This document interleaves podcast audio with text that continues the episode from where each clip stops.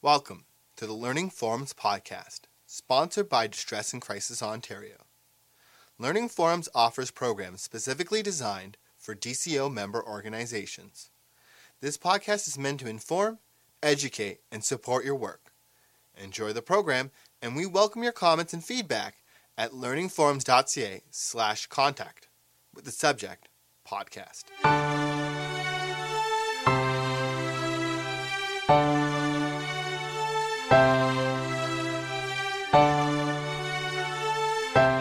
Name is Michelle, and I'm here to talk to you about my life and the experiences that I have had growing up with MS. At 16 years of age, I woke up one morning and had double vision. I saw two of everything images that were so exact that I didn't know which was the right one. But I knew if I put my hand over one eye that one of them disappeared. So something was going on. I yelled for my mom, and she said, Well, we got to get you to your, the doctor right now. Went to see the doctor, and he said, No, you've got to go to the hospital right now. Off to the hospital we went. At the, hospital, the local hospital, he said, No, you got to get downtown immediately and off to the, the hospital downtown, like the big hospital. I started to wonder, like, I started to panic. How could I go through three doctors in half a day? I mean, that's impossible, appointments like that. When I was at the big hospital, St. Mike's downtown, it ended up that they hooked me up for a CAT scan. And I was sitting there, kind of a 16 year old, kind of scared, they started to inject dye into my the system so that it could register with the with what was going to be read. Then all of a sudden, I started to hear my mom crying in the hallway, and a doctor walked up to me and he said, "Michelle,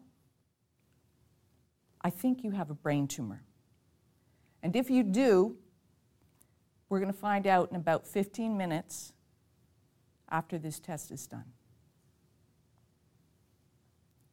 Why did he not just wait for the 15 minutes to say yes or no? That was all unnecessary hype that made me panic. I thought I had a brain tumor. And I still thought for, for a long time, no, are you sure? Are you sure? Of course, I didn't have one. They didn't know what I had. It ended up that it took four years of not knowing what I had. I had the double vision. I had pins and needles in my feet for months. I had, uh, you know, my legs would be dragging. I had paralysis in different ways that numbness, it, it was, there were all these weird things that could not be explained. So I was really starting to wonder what was going on. I thought, it is all, it maybe it's all in my head. Maybe I, maybe I slept wrong. Maybe I, maybe I really shouldn't have eaten cheese before I went to bed. Like I was starting to panic. It all ended up, after all this, that I saw another doctor. And that doctor said, Well, based on everything that has happened, maybe I can figure something out for you. Four years of this, of going back and forth and thinking, wow, I like I, I thought it was all here. But in reality, this one doctor said, no, I, I think there's more to it. And that more to it was able to, for him to say, if you go and you get this one, other one test, it's going to simply show whether it is or it isn't an MRI. So I went down to a different hospital and got hooked up to have an MRI. And that takes about a half an hour. And within that half an hour, my life would be changed dramatically. Because from that point on, you could actually see what was going on. It wasn't a test coming back saying, no, it's negative. No, it's not this. No, it's not that. There can't possibly be this. Can't be that. But then finally, yes, this is what it is. And what it was was that on this scan of my head, you could see little white dots.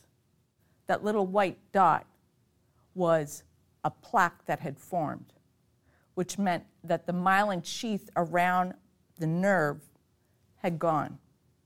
And that's what MS is it's a chronic, progressive neurological disease that affects people anywhere from 15 to 40 is usually when they're going to be diagnosed, although any age.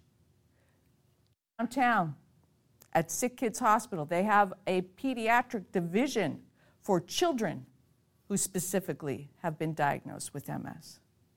There are people who are older, 80 years of age, and they're finally finding out. And that makes absolutely no sense. And that's the whole thing about MS. It makes absolutely no sense. There is no cause, is no cure. So, back when I'm now 20 years of age, at least I had gone into a remitting state. My MS, at the beginning, usually goes into remitting states where you'll have an attack and then you, you rest or you get some medication and it calms down and you go right back to normal. And I did that for many years. I did that for another five years.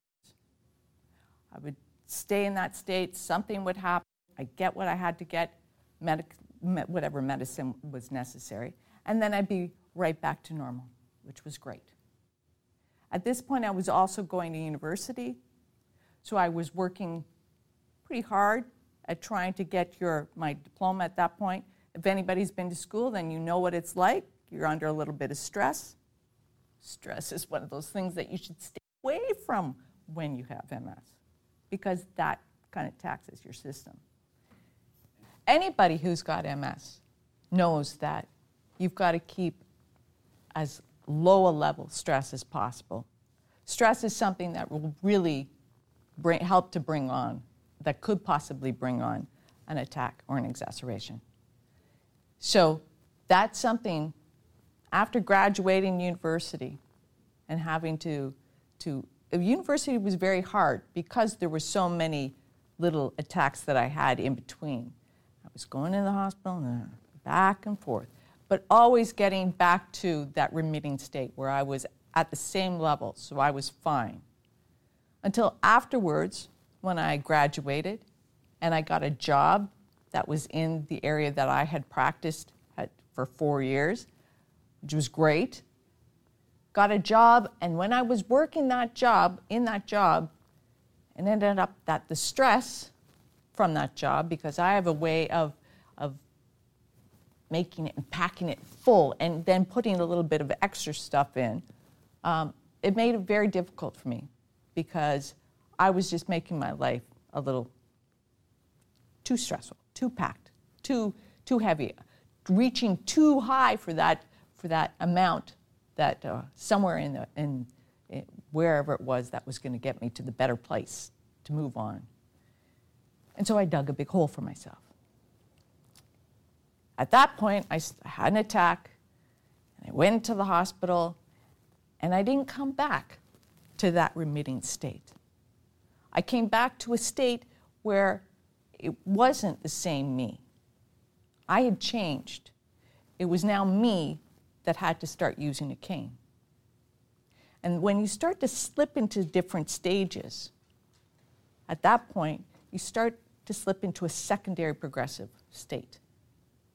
And so for many years, I was going into a different state. But when I was at the point where I had that, that cane, when I was using the cane, that's it. Life was not my life anymore. Life was life, and MS had the control over it. And that's what I felt. I became very angry, felt very guilty, felt very ashamed, and very frustrated. And so, what did I do? I got on a plane and I said, I'm out of here. And I went, most logical place, to the former Yugoslavia. I went to Yugoslavia, this is before the war had broken out. And I went to a healing springs. And the healing springs there that were in a town called Gornja which was just north of Belgrade. And I thought, I'm going to heal myself. If the doctors can't, I'm going to heal myself. And I went to this place and I sat in the baths that they had there and I drank as much of the water as I could. And I, I did feel better. That's because I was at a place where I was able to totally relax and totally get things out of my head.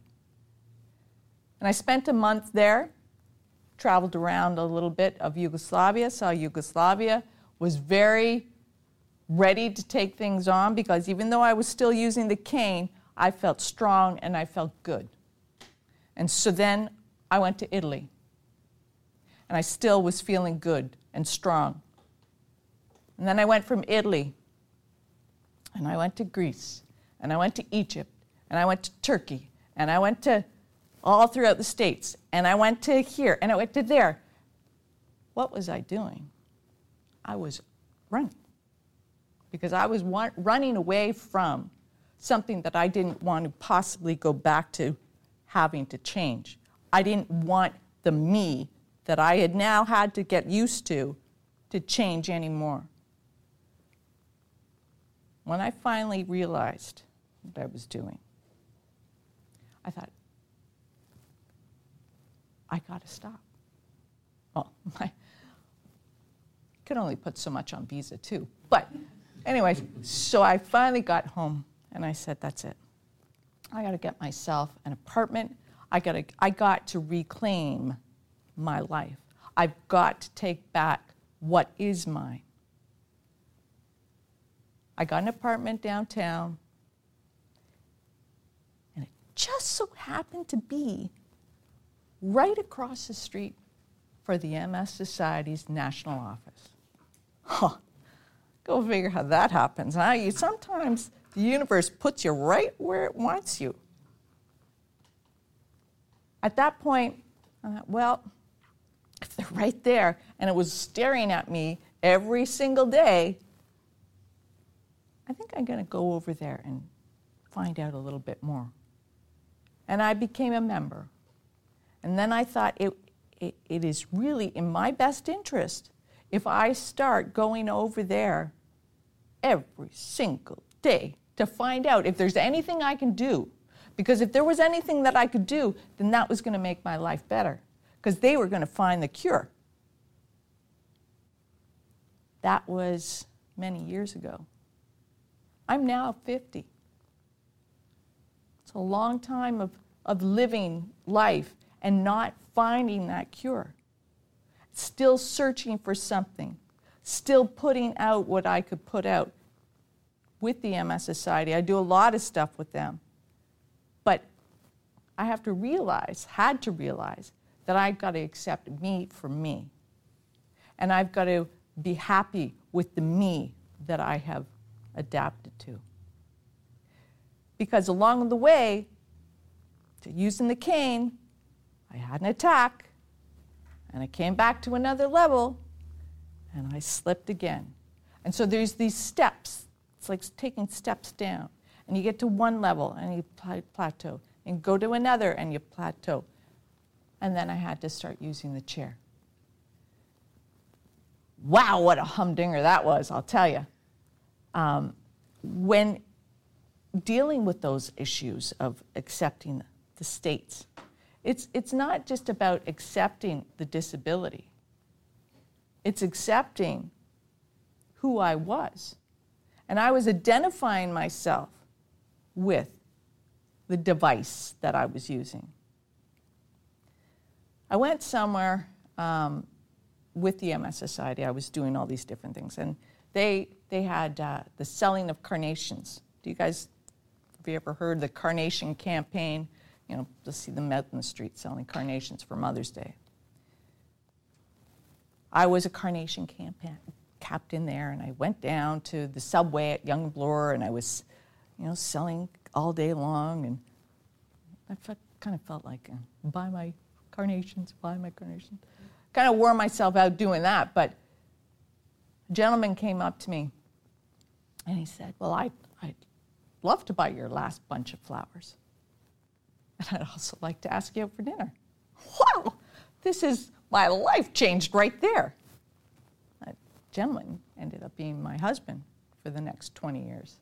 I thought there's no way that I could possibly get step into the normalcy of having a husband and family and that, that, that just wasn't what was the picture that I had created for myself.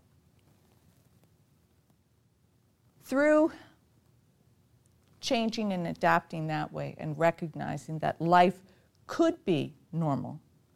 It, it, it was a, a revelation for me to realize that, hey, it's, it's going to be an okay world if I let it be an okay world. If I live my world with my glass always half full as opposed to half empty. Thank you. Hi, I'm Damien, one of the editors of the DCO Learning Forums podcast. Over the past year, we've been busy converting our Learning Forums series of videos into podcasts and thinking of new ways to continue delivering new and more in depth content. We've seen the demand, and we're announcing our move to Pinecast and our new tip jar function.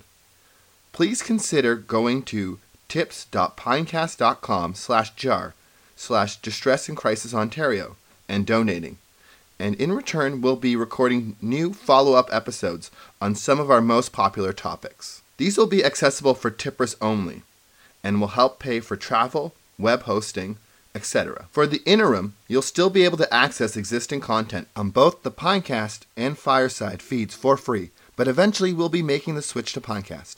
Thank you for your understanding.